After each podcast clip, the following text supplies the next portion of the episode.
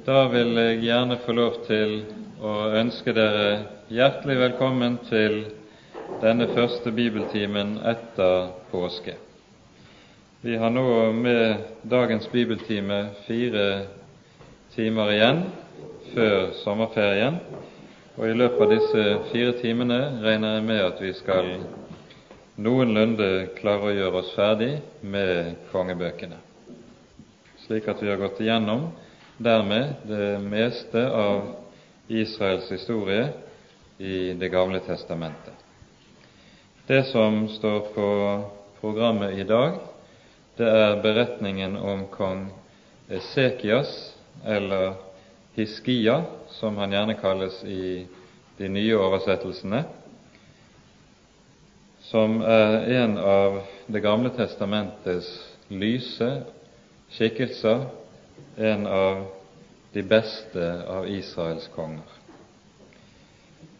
Det betyr at vi da skal bevege oss i, fra 2. kongeboks 18. kapittel og utover, samtidig som vi også skal se en god del på det profeten Jesaja skriver om denne perioden av Israels liv. For nå er vi midt inne i Jesajas profetiske virksomhet. La oss be sammen. Kjære gode Herre, hellige og trofaste Far. Vi takker og lover deg at vi på ny skal forsamles om ditt dyre ord og i ditt hellige navn. Takk, Herre, for budskapet du har gitt oss i påsken, om din død for vår skyld og din oppstandelse til vår rettferdiggjørelse. Takk, kjære Herre, at vi skal få lov til å være Guds barn for din skyld, og at det å høre deg til er å leve på din regning. Nå ber vi, gode Herre, at du vil sende din ånd og være hos oss, gi oss lys i dine ord, slik du ser vi behøver det, både for livet her og for evigheten. Kom, Herre, du, som lar din kraft fullendes i vår skrøpelighet, og ta deg av hver enkelt av oss. Og vær med min munn og min tanke, at det som er av deg, får lyde. Amen.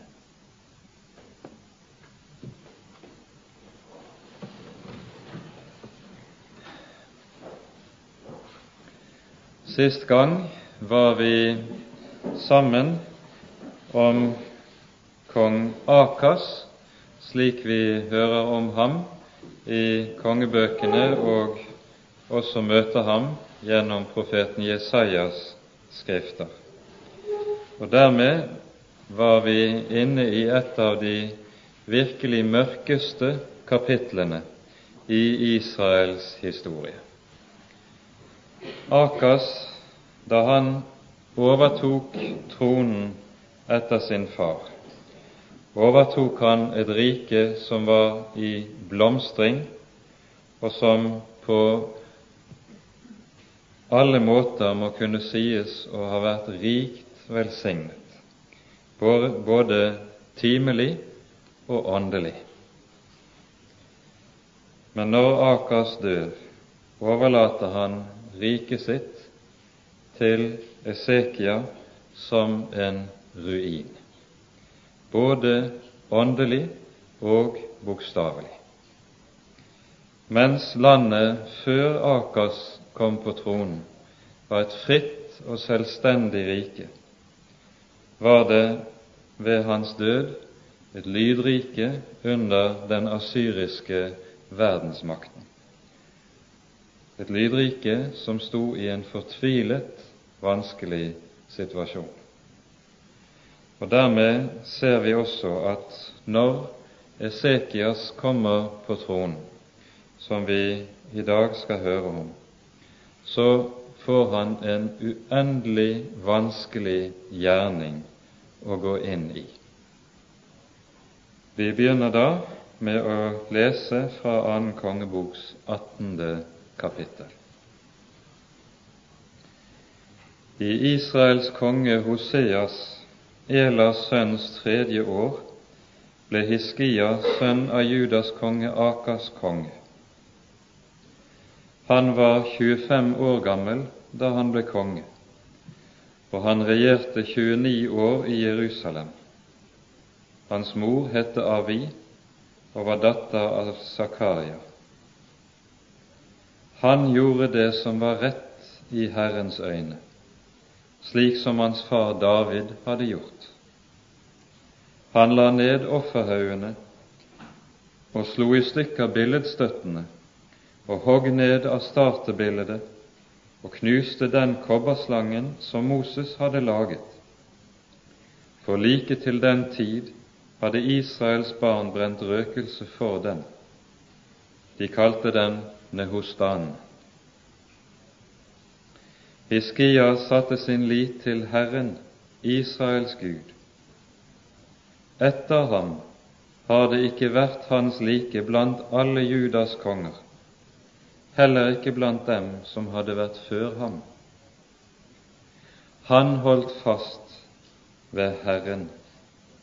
Han vek ikke fra ham, og han holdt hans bud, dem som Herren hadde gitt Moses. Og Herren var med ham. I alt han foretok seg, bar han seg klokt ad. Han falt fra kongen i Asyria og ville ikke tjene ham lenger. Han slo filistrene og tok deres land helt til Gaza og de omliggende bygder like fra vakttårnene til de befestede byene. I kong Hiskias fjerde år, som var Israels konge Hoseas, Elas sønns sjuende år, dro Salmanasar, kongen i Asyria, opp mot Samaria og kringsatte byen. Da tre år var gått, inntok de byen. Det var i Hiskias sjette år, det samme som Israels konge Hoseas niende år, at Samaria ble inntatt.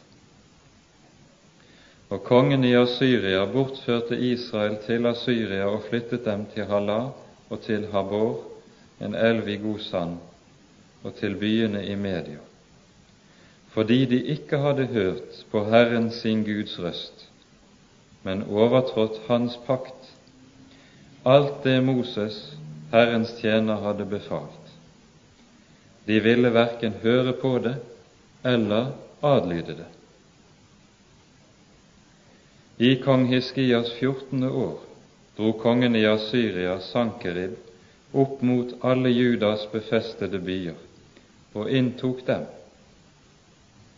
da sendte Judas konge Hiskia bud til den asyriske kongen i Lachish og sa:" Jeg har gjort galt, vend deg bort fra meg igjen. Alt det du legger på meg, vil jeg bære.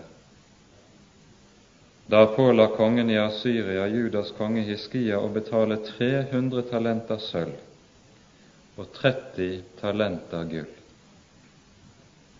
Og Hiskia ga alt det sølv som fantes i Herrens hus og i skattkamrene i kongens hus.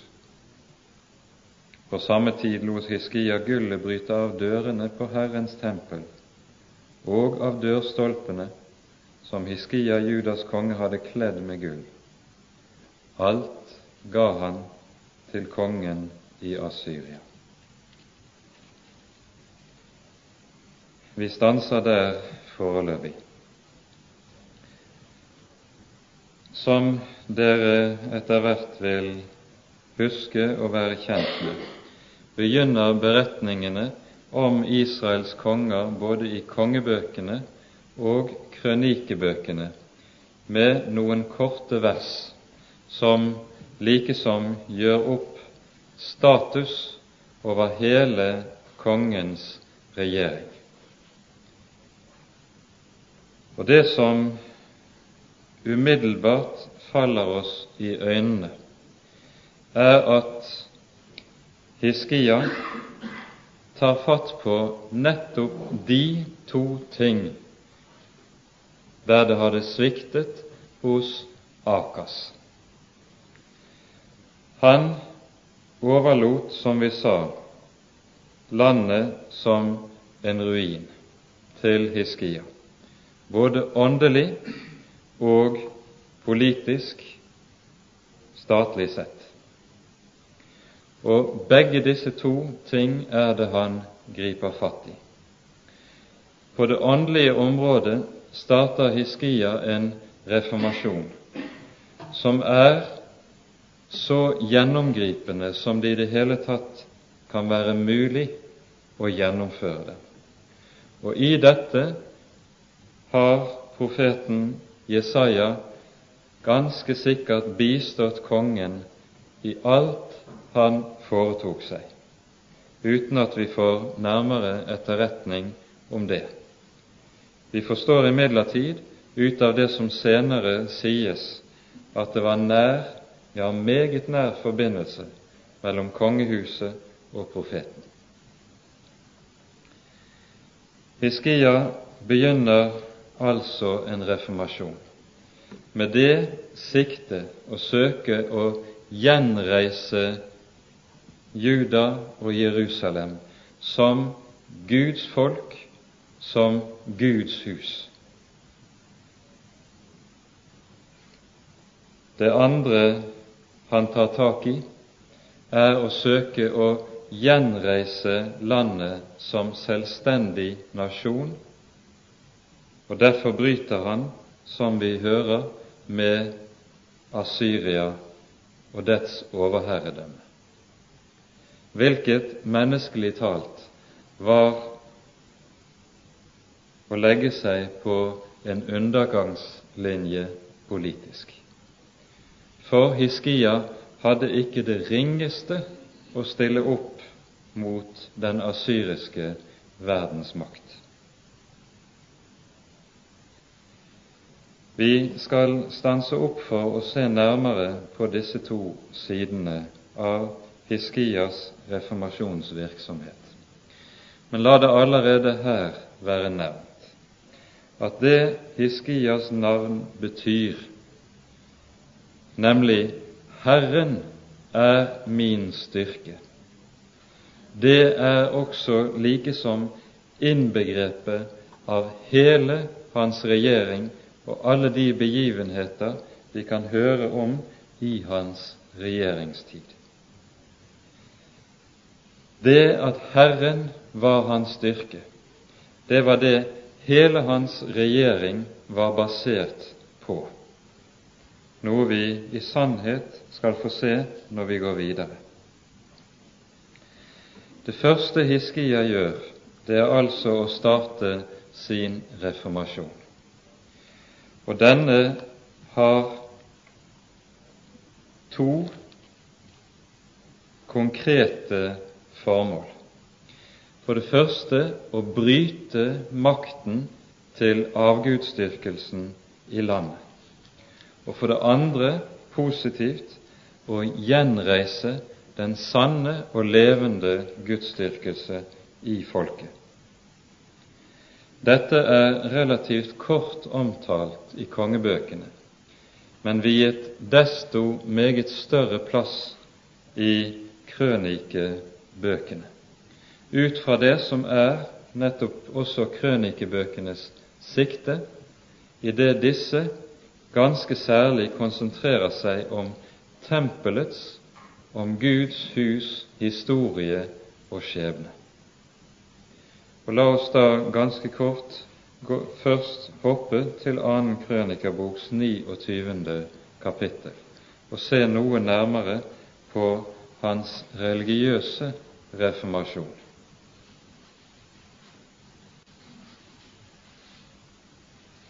Vi leser der fra vers 2. Hiskia gjorde det som var rett i Herrens øyne slik som hans far David hadde gjort.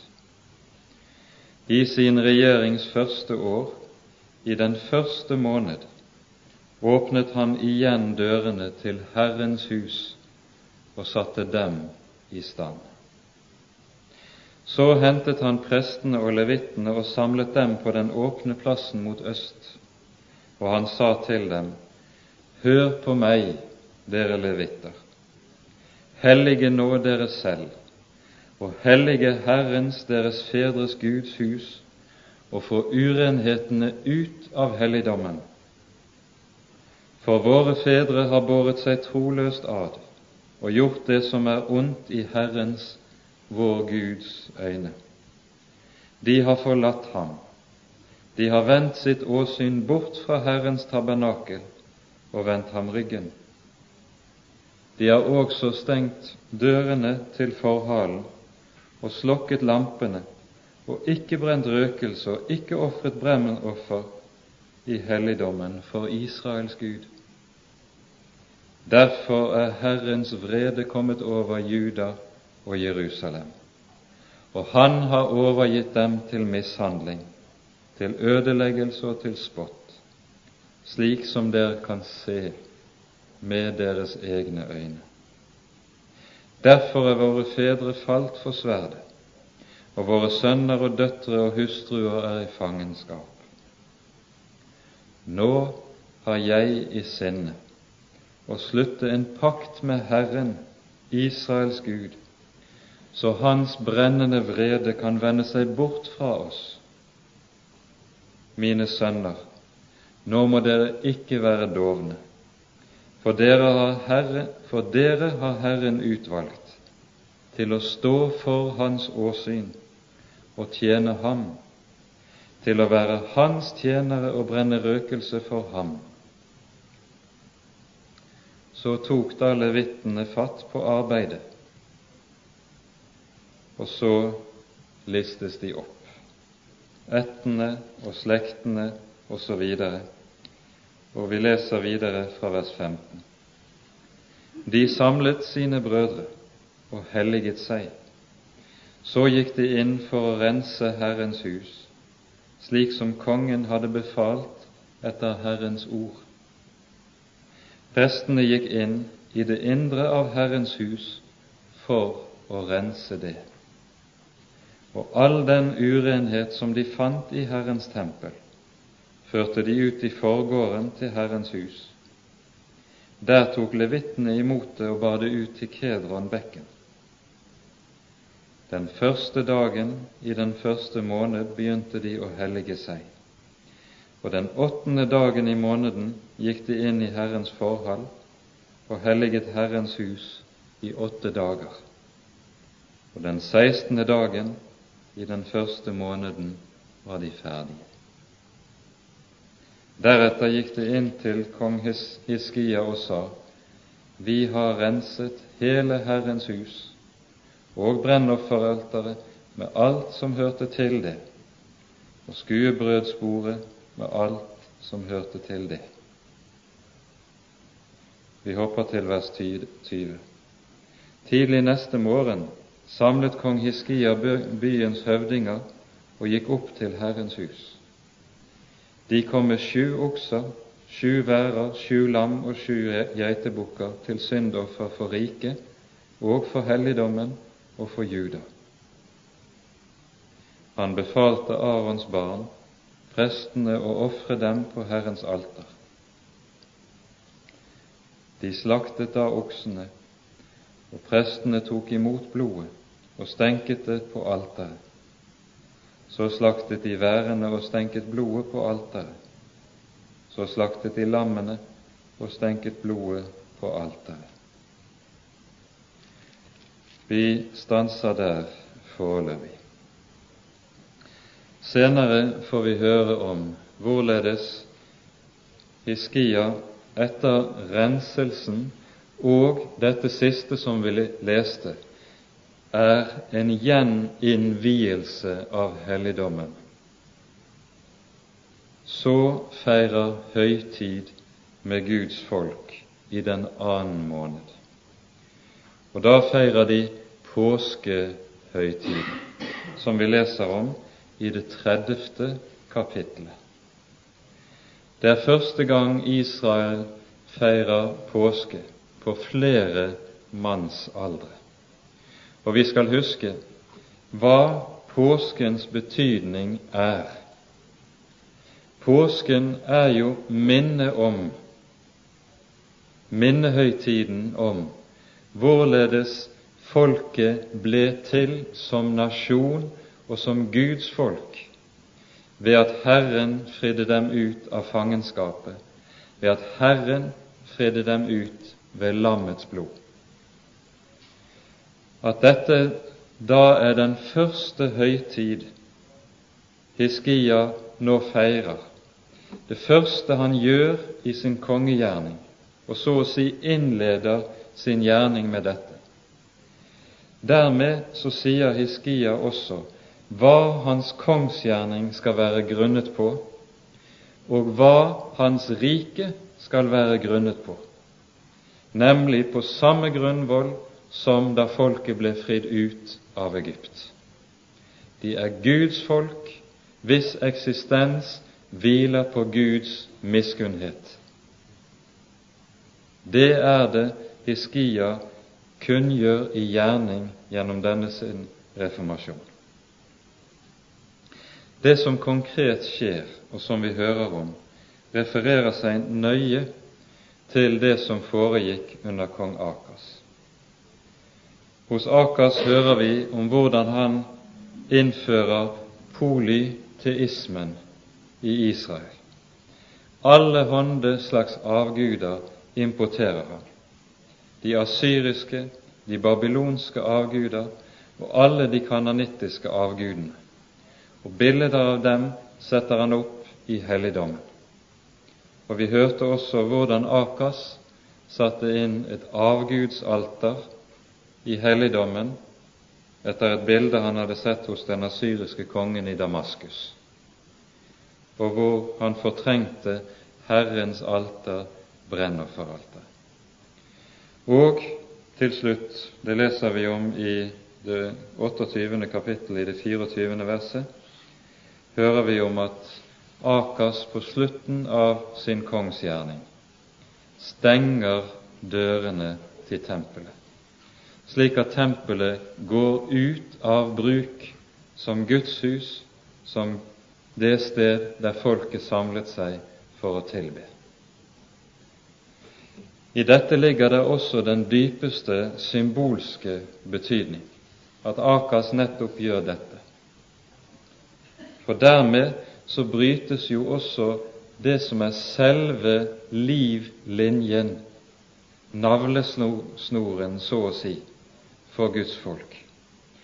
For ved den gudstjeneste som foregikk i tempelet, i kraft av denne var det folket eide stadig nåde, stadig frelse. Legg merke til at vi leste i vers 8 i det 29. kapittel.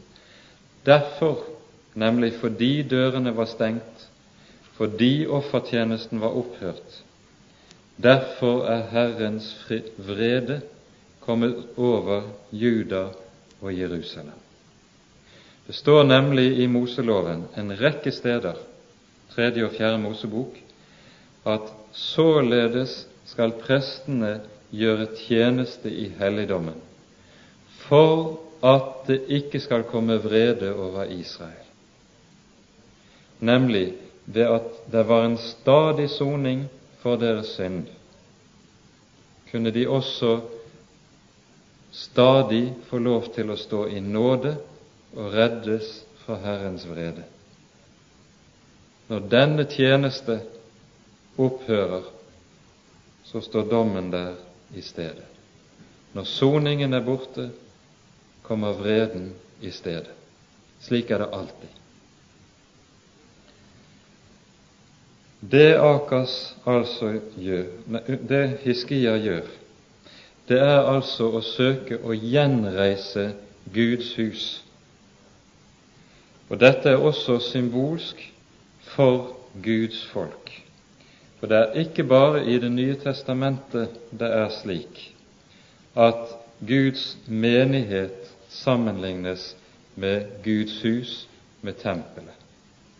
Det står jo flere steder i brevene apostelen skriver dere er Guds hus, dere er Guds tempel. Og når folket var en åndelig ruin etter Akas regjering, så er dette anskueliggjort nettopp ved at tempelet og tjenesten der lå øde. Og ved at tempelet åpnes, tjenesten gjenreises, tempelet renses, så anskueliggjøres det med dette at her skal også Guds folk gjenreises som Guds folk, og Guds folk renses til atter å være det hellige folket. Tempelet skal renses. Akas gjør dette, Hiskias gjør dette mer gjennomgripende enn noen av de foregående konger. Vi har lest om en rekke konger tidligere som også var gudfryktige, som også søkte å gjøre Herrens vilje. Men om dem heter det de la ikke ned offerhaugene og tjenesten som foregikk der. Det var nemlig slik at rundt omkring i landet, på høydene og på haugene, var det reist altere. I gode tider i folkets liv så tjente og ofret folket til Herren på disse haugene, og ikke bare i Jerusalem. Men i de vonde tider så brukte folket disse haugene til avgudsdyrkelse i stedet. Høydene og haugene ble stadig til fall i folket. Og de tidligere konger grep ikke inn mot gudstjenesten og gudsdyrkelsen på høydene. Det gjør Hiskia. Gjennomført legger han ned alt og følger de bud som er gitt i Moselov om at det er i Jerusalem og der alene offertjenesten skal foregå. Intet annet sted i landet. All annen gudstjeneste som skulle være omkring i landet, blir følgelig en gudstjeneste med ordet og ikke med ofring. Så får man allerede i dette en begynnende forsmak på det som senere utvikler seg til å bli synagogen.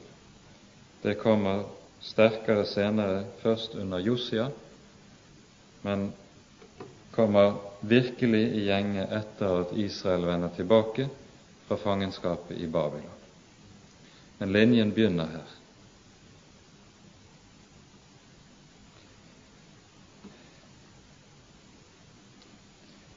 Når Hiskia så inviterer folket til å feire påskehøytid, som vi leser om i det neste kapittel, så innbyr han ikke bare folket i Sydriket, i Juda og i Jerusalem, men innbyr også befolkningen i Nordriket, de som ennå lever igjen under Hosea, Elas sønn.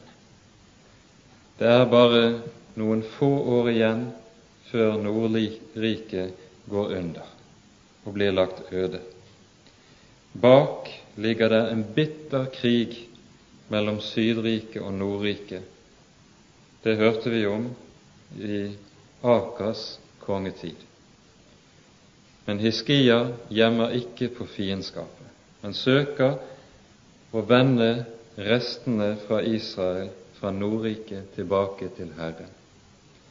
Og Hosea lar noen få lov til å reise opp og feire påskens høytid.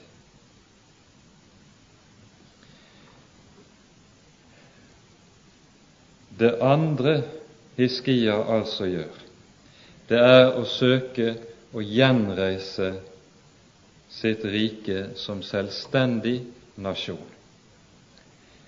Dette kan han kun gjøre med å bryte med den asyriske verdensmakt. Det hørte vi om i annen kongeboks 18. kapittel som vi leste i det syvende verset. Og Her skal vi legge nøye merke til sammenhengen som dette står i. Det står Herren var med ham.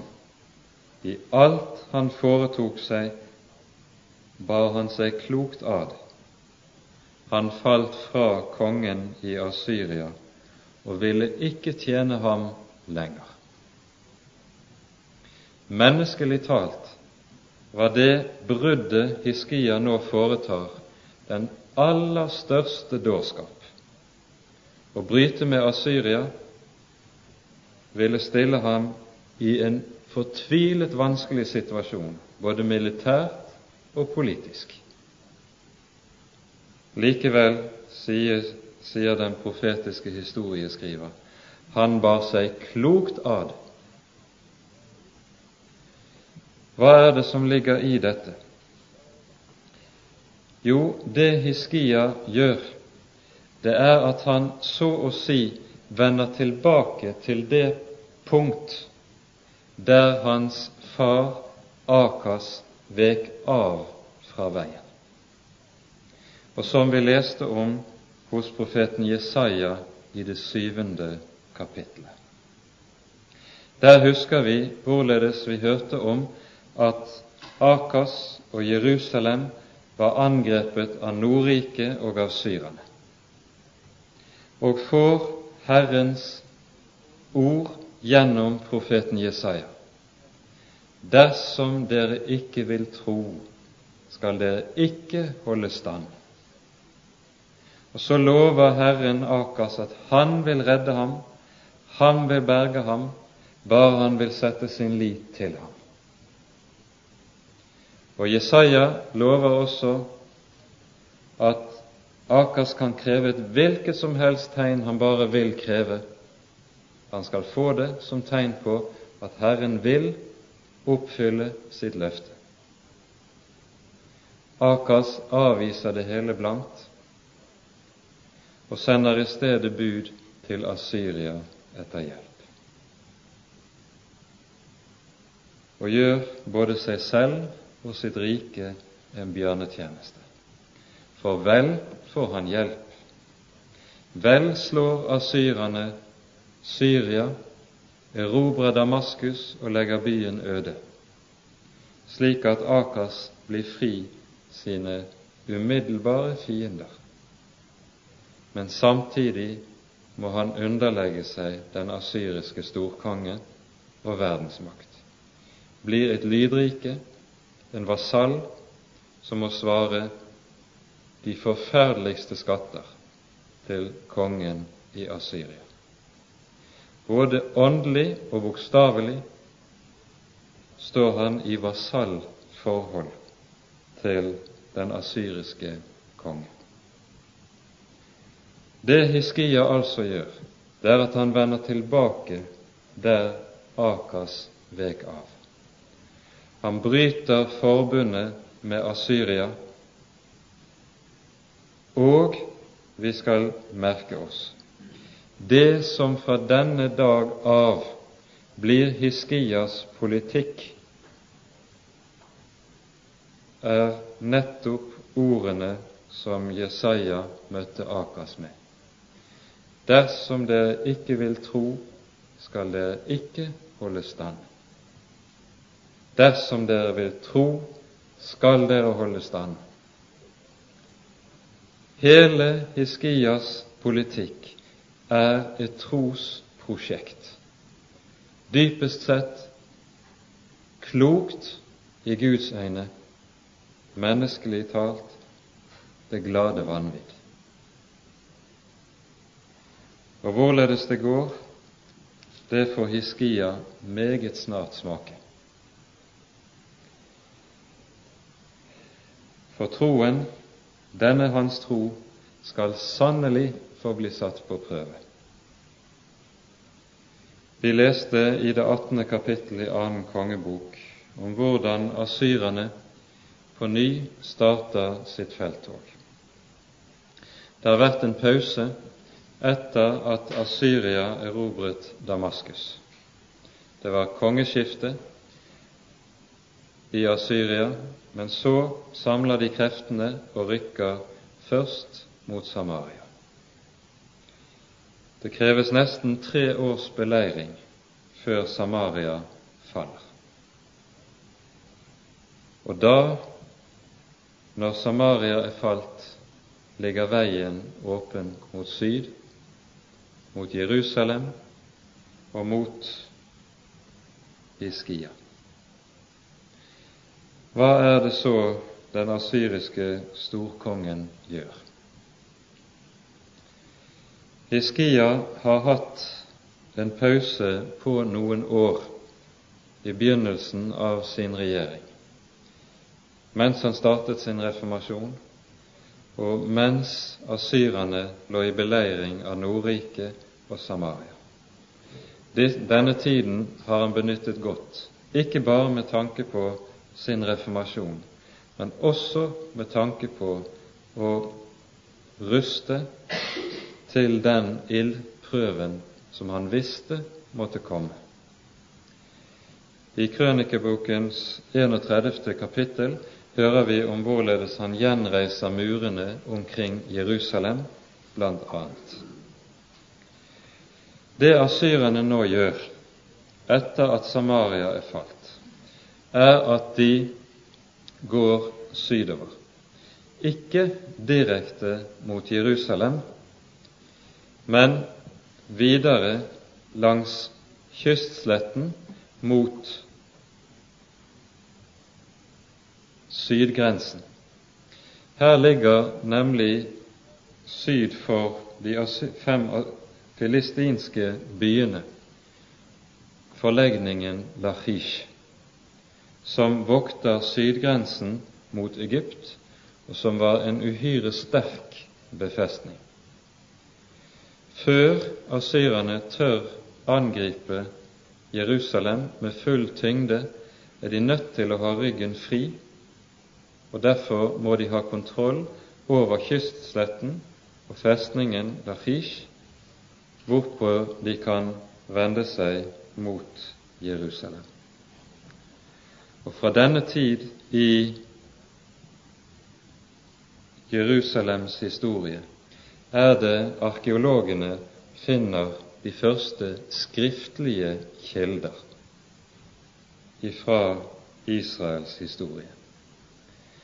Det er nemlig funnet en rekke sendebrev fra kommandanten i Lachish, som ble sendt til Jerusalem, til de omkringliggende mindre festningene, om hvorledes situasjonen utviklet seg under beleiring. Og man kan ut av disse funnene, det er korte beskjeder som er skrevet på leirtavler og derfor er blitt bevart, lese seg frem til hvorledes situasjonen blir mer og mer fortvilet til byen endelig faller. Tilsvarende har man også funnet denne tunnelen, vanntunnelen i Jerusalem, som er, stammer fra Hiskias tid. Det var en kilde utenfor bymuren i Kedrondalen som het Gihon. Det Hiskia gjør, dette leser vi om i Krønikebokens 31. kapittel, det er at han tildekker vannkildene utenfor bymuren og leder de vannet innenfor bymurene. Men å lede vannet fra Gihon inn til bymuren er ikke lett. Til det trengs det å bygges en tunnel som kan lede vannet innenfor.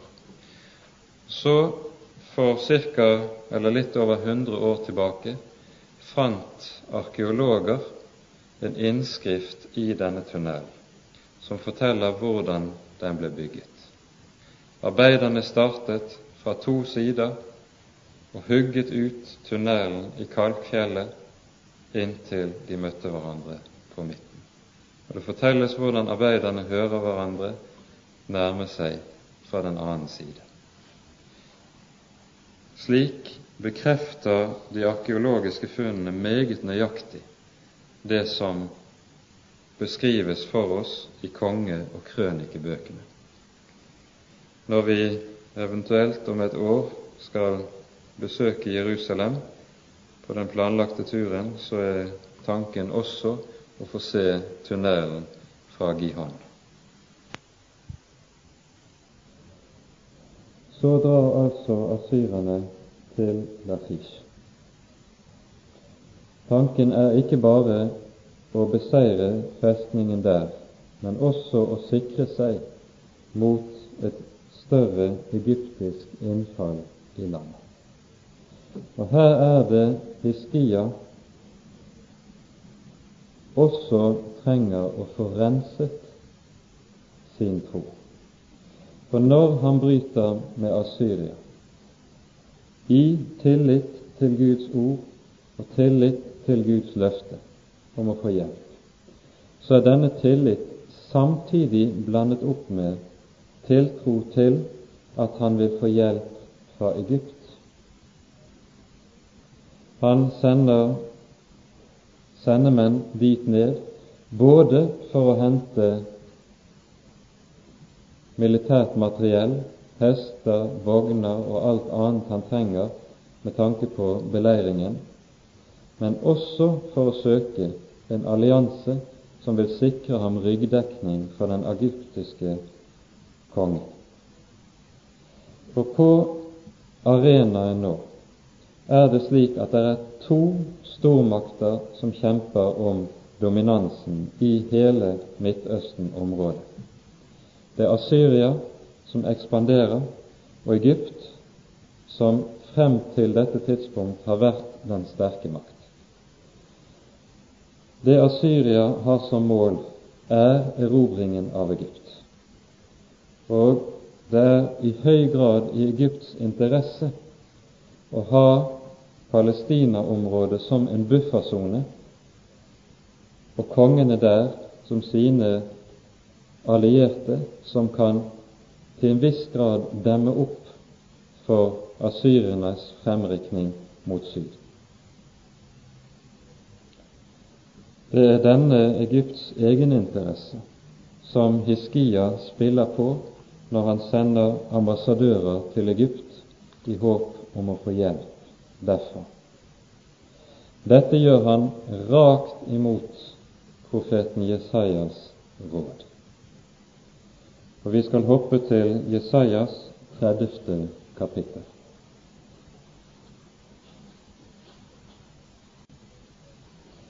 Og vi leser fra vers 1. Ved de gjenstridige barn, sier Herren, de følger planer som ikke er fra meg, og inngår avtale uten min ånd. Slik legger de synd til synd. De drar ned til Egypt uten at de har rådspurt meg, for å finne vern hos farao, søke ly i Egyptens skygge. Men faraos vern skal bli dere til skam og det ly dere søker i Egypts skygge, skal bli til vanære. Israels høvdinger er kommet til Soan, og deres sendebud kommer helt til Hanes. Alle blir de til skamme ved et folk som ikke gagner dem. Det er ikke til hjelp og ikke til gagn, men bare til skam og vanære.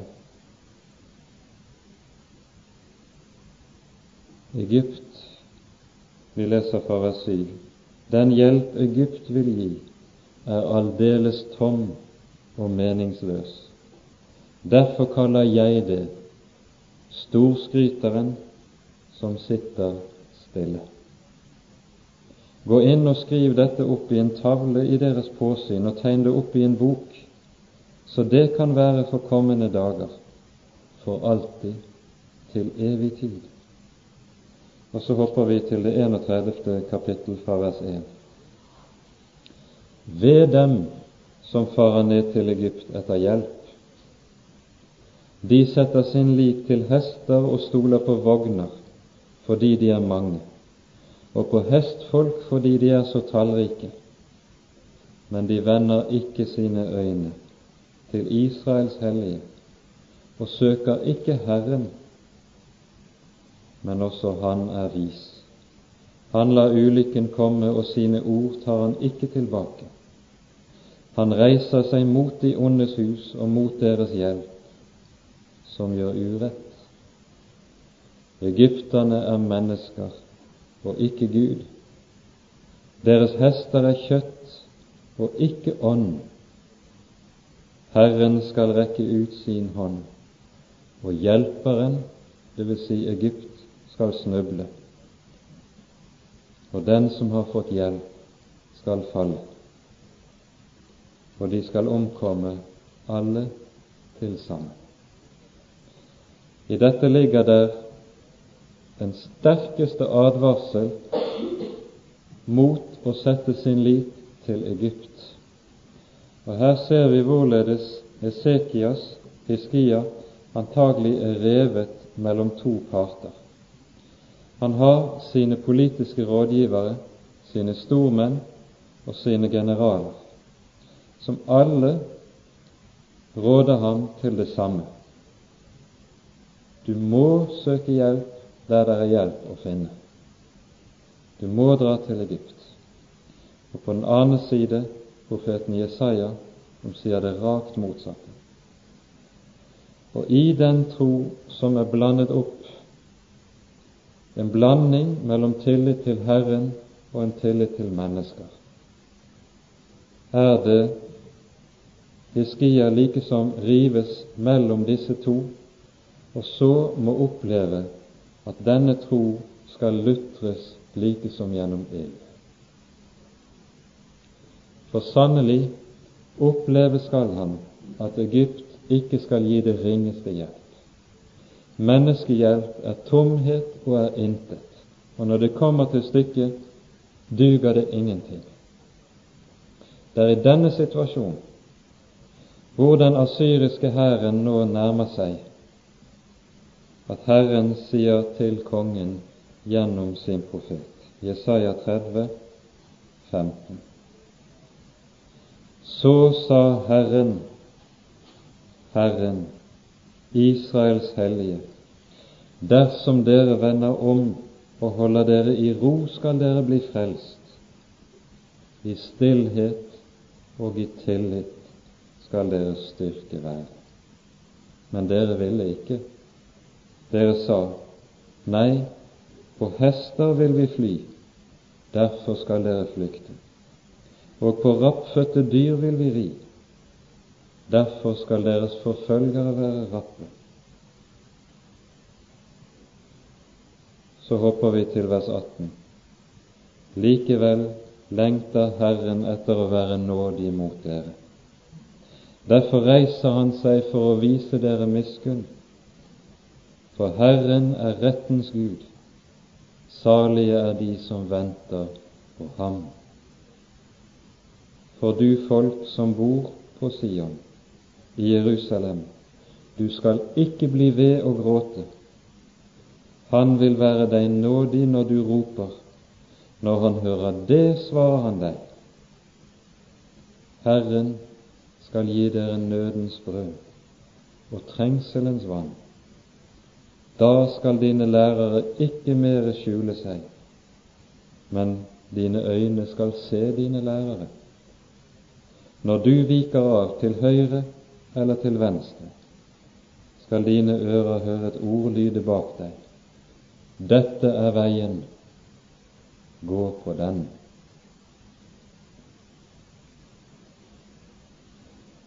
så skal Esekia i dette få sin lutringstid.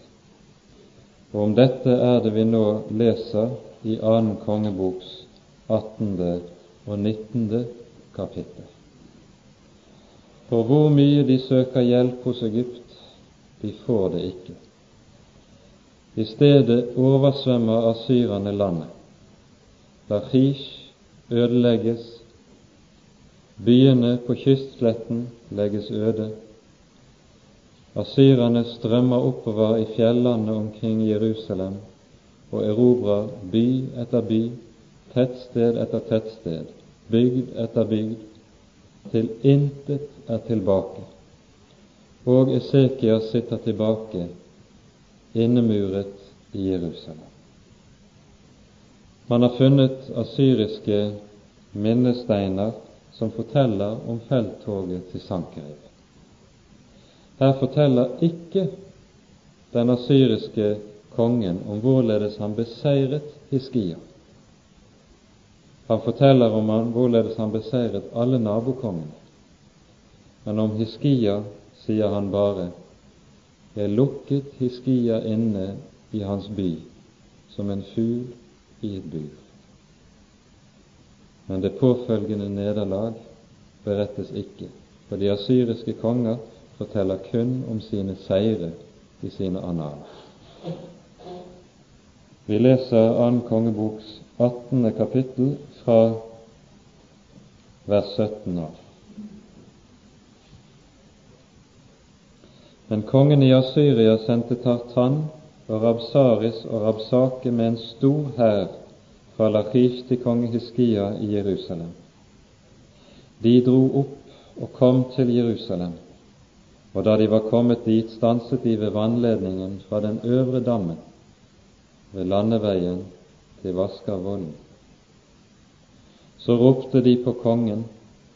Da gikk slottshøvdingen Eljakim, Hilkias sønn, ut til dem sammen med statsskriveren Sebna og historieskriveren Joa Asafs sønn. Og Rabsake sa til dem, Si til Hiskia, så sier den store kongen, kongen i Asyria, hva er det for en trygghet som er kommet over deg? Vil du si at tomme ord og innsikt og styrk, at styrke nok til krig? Hvem setter du da din lit til, siden du har gjort opprør mot meg? Nå vel, du setter din lit til Egypt, den knekkede rørstaven. Når en støtter seg på den, går den inn i hånden hans og gjennomborer den. Slik er kongen, farao, for alle dem som setter sin lit til ham. Og sannelig taler den asyriske hærføreren rett.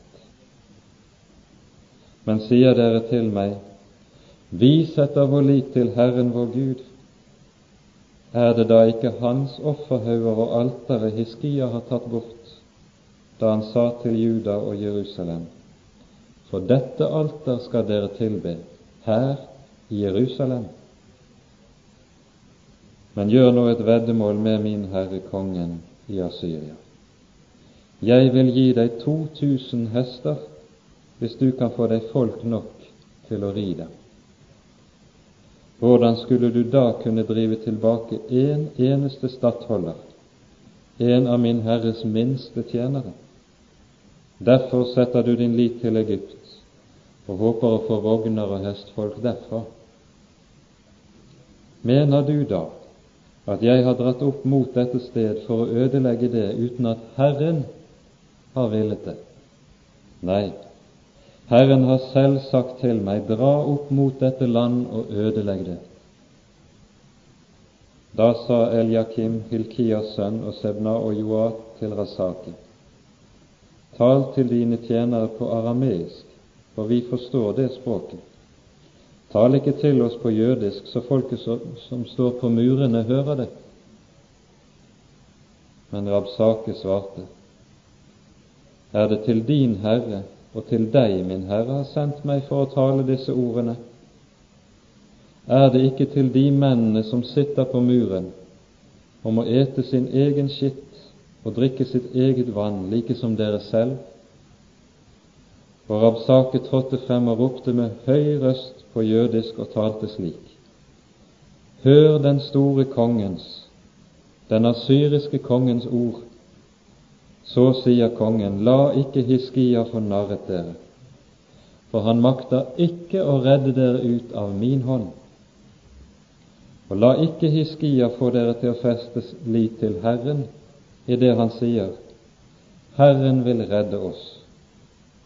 Og denne by skal ikke bli gitt i Asyrakongens hånd. Hør ikke på Hiskia, for så sier kongen i Asyria, gjør fred med meg, og kom ut til meg, så skal enhver av dere få ete sitt e av sitt eget vintre og av sitt eget fikentre, og drikke vann av sin egen brønn, til jeg kommer og henter dere til et land som ligner deres eget land, et land med korn og most, et land med brød og vingårder, et land med oljetrær og honning, så dere kan leve og ikke dø. Hør ikke på Hiskia når han vil narre dere, sier Herren, Herren, og sier, Herren vil redde oss. Har vel noen av folkenes guder reddet sitt land av Asyrakongens hånd? Hvor er Hamats, Arpads guder? både Sefarvaims og Hennas og Ivas guder? Har vel Samarias guder reddet landet av min hånd? Hvem er det blant alle landenes guder som har reddet sitt land av min hånd? Så Herren skulle redde Jerusalem av min hånd. Men folket tidde og svarte ham ikke ett ord for kongens befaling lød så:" Dere skal ikke svare ham. Så kom slottshøvdingen Eliakim, Hilkias og statsskriveren Sebna og historieskriveren Joa, Asafs sønn, til Hiskia med sønderrevne klær og meldte ham det Rapsake hadde sagt. Nå har asyrerne erobret hele landet og innesluttet Jerusalem. Og den talen som Rabsake her hører, det er et typisk utslag av det vi vil kalle for psykologisk krigføring. Det er ikke et nytt påfunn. Han søker å få folket til å miste motet, slik at beleiringen skal gå med minst mulig møye, og seieren vinnes billigst mulig. Og På mange måter kan man si at ringen her er sluttet. Det ser vi i hvor hærførerne stiller seg. Vi leste i vers 17 de stanset ved vannledningen fra den øvre dammen ved landeveien til Vaskavollen. Nettopp der var det Esaias gikk for å møte kong Akas og gi ham løftet om utfrielsen og tegnet på utfrielsen. Og så kommer løftet om Immanuels tegn. Der står nå fienden på det samme sted. Han sier nøyaktig det motsatte av Jesaja. Og så må Hiskia minnes om hva som en gang lød til hans far. Tartan det er en tittel i asyrisk terminologi og beskriver den øverste lederen for hæren. Og Rabsaris og Rabsake er likeså titler ulike grader av høyere offiserer. Det er ikke egennavn. Det være nevnt i parentes. Det Rabsake her sier, det gir helt karakteristisk uttrykk for det som er den hedenske måten å tenke på om guder og gudsdyrkelse.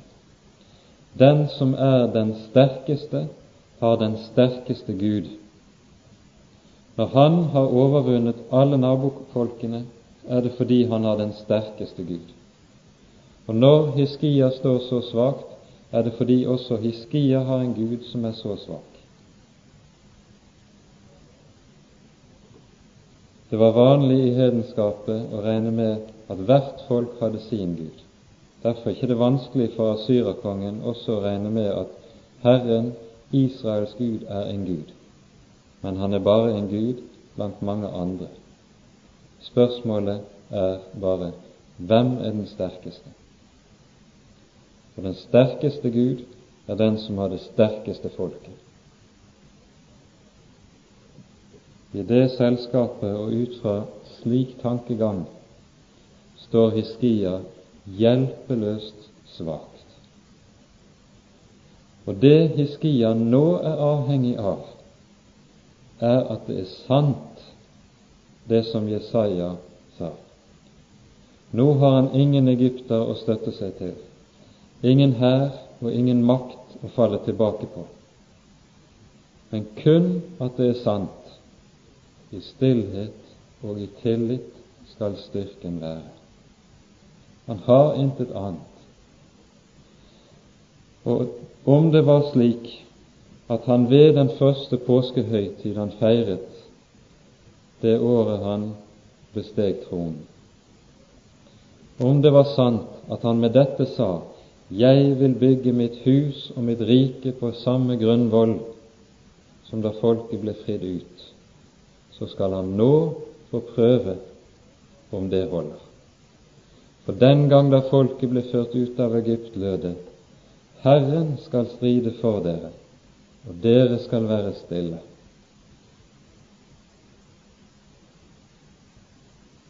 Nå har han ingen annen vei, ingen utvei. Og vi leser videre i det 19. kapittel. Da kong Hiskia hørte dette, sønderrev han sine klær, kledde seg i sekk og gikk inn i Herrens hus. Og han sendte slottshøvdingen Eliakim og statsskriveren Sebna og de eldste blant prestene kledd i sekk til profeten Jesaja Amos sønn. Her ser vi forbindelsen mellom kongehuset og profeten.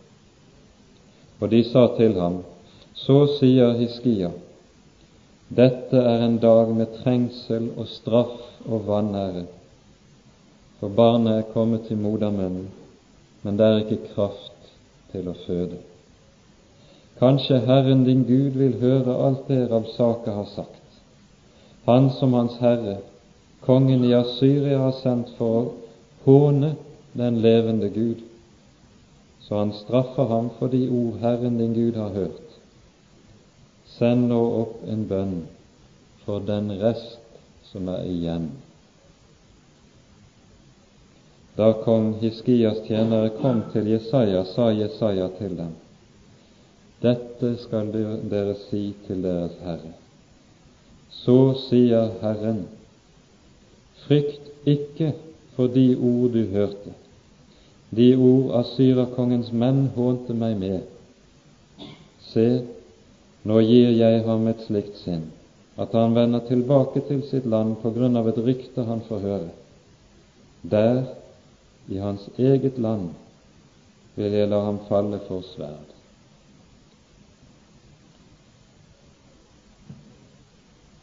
Da Rapsake vendte tilbake, fant han asyrakongen i ferd med å stride mot Libna, for han hadde hørt at han hadde brutt opp fra Lakish.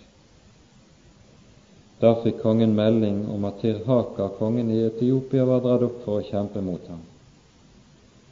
Da sendte han igjen bud til Hiskia og sa:" Så skal dere si til Judas konge Hiskia:" La ikke din Gud, som du setter din lit til, fornarre deg så du tenker som så Jerusalem skal ikke gis i Asyrakongens hånd. Du har hørt det asyrakongen har gjort med alle landene, hvorledes han har ødelagt dem, og så skulle du bli reddet. Har vel folkenes Gud har frelst dem, dem som mine fedre ødela, Gosan og Karan og Resef og Edens mann i Telasar? Hvor er nå Hamats konge, og Arpads konge og byen Sefarvaims konge, Henas og Ivas konger. Da Hiskia hadde mottatt brevet av sendebudene og leste, gikk han opp til Herrens hus. Der bredte han brevet ut for Herrens åsyn, og Hiskia ba for Herrens åsyn og sa, Herre, Israels Gud, du som troner over kjerubene. Du alene er Gud for alle jordens riker. Du har skapt himmelen og jorden. Herre, bøy ditt øre til og hør. Herre, lukk opp dine øyne og se.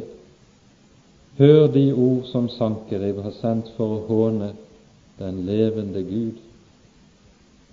Det er sant, Herre, at kongene i Asyria har ødelagt folkene og deres land. De har kastet deres guder i ild, for de er ikke guder, men et verk av menneskehender, tre og stein. Derfor kunne de gjøre dem til intet. Men frels oss nå, Herre vår Gud, og frels oss av Hans hånd, så alle jordens riker må kjenne at du, Herre, er Gud, bare du.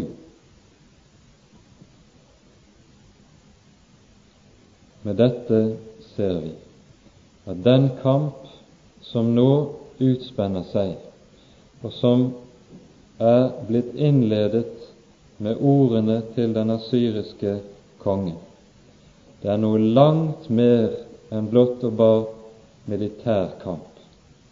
Her er det åndskamp i ordets egentlige forstand. Og på ny kunne vi minne om og peke på ordene i Salme 2. Hvorfor lammer, larmer hedningene og grunner folkene på det som intet er? Jordens konger reiser seg, jordens dommere rådslår sammen mot Herren og mot Hans salvede. Her er det ikke bare Hiskia som er utfordret, men Herren selv. Og det Herren gjør, er at nå vil Han svare den asyriske konge. Det skal Hiskia slippe. Nå vil Han gjøre det Han har lovet som en gang ble talt til Akas, og som Akas ikke ville gå inn på. Vi leser fra vers 20.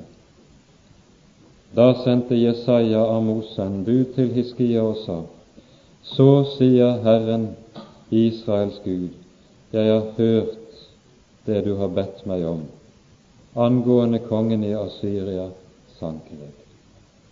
Slik lyder det ordet Herren har talt om ham Jomfruen, Sions datter, forakter deg og spotter deg.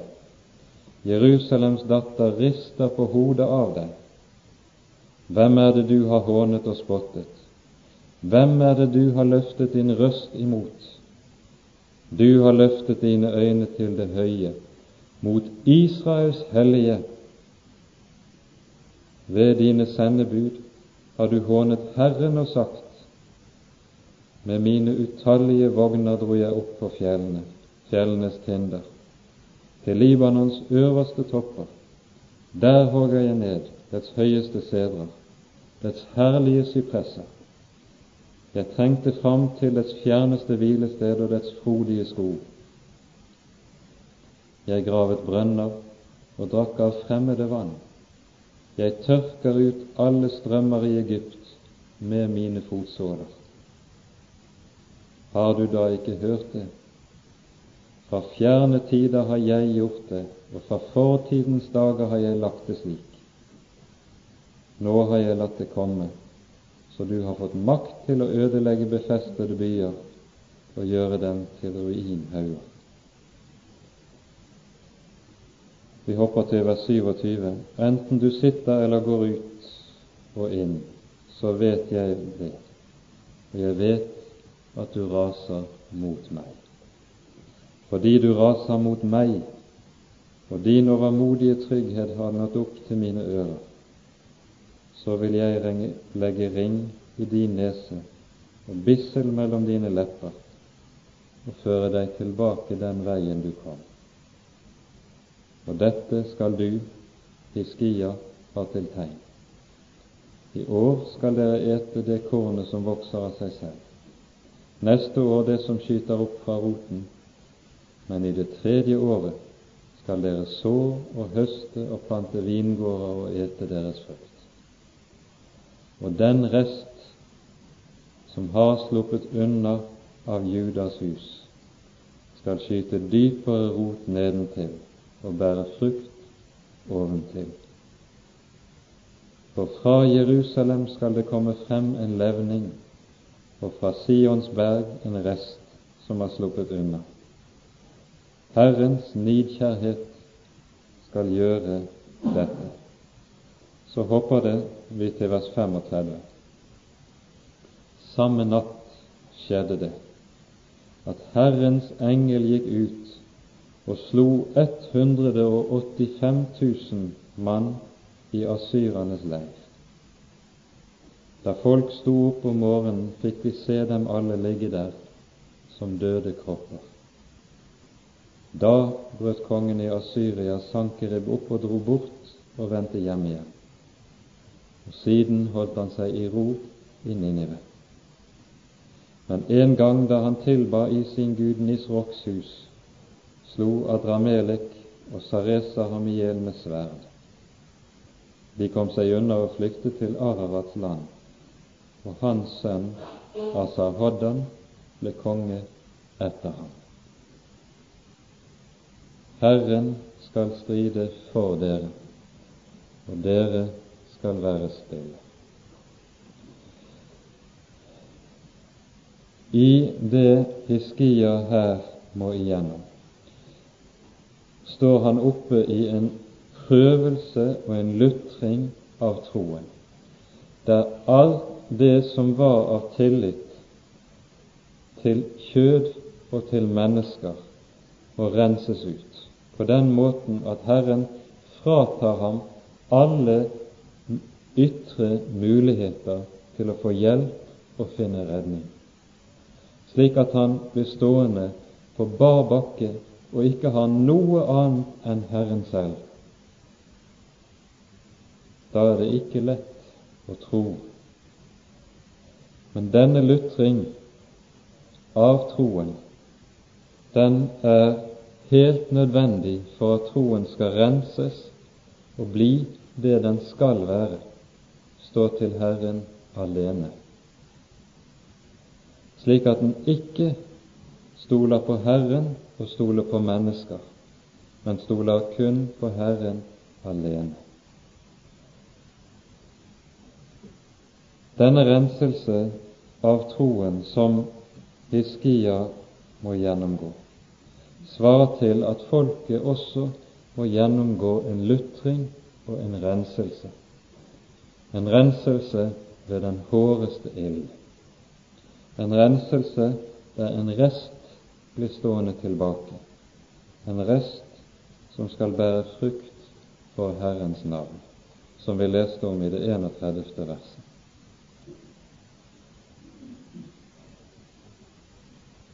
Slik blir Hiskias historie en historie om tro som prøves og lutres som gjennom ild. En tro som nok kan vakle, men på grunn av at det dog er en tro som midt oppi skrøpelighet dog er sann, få lov til å oppleve at Herren er trofast.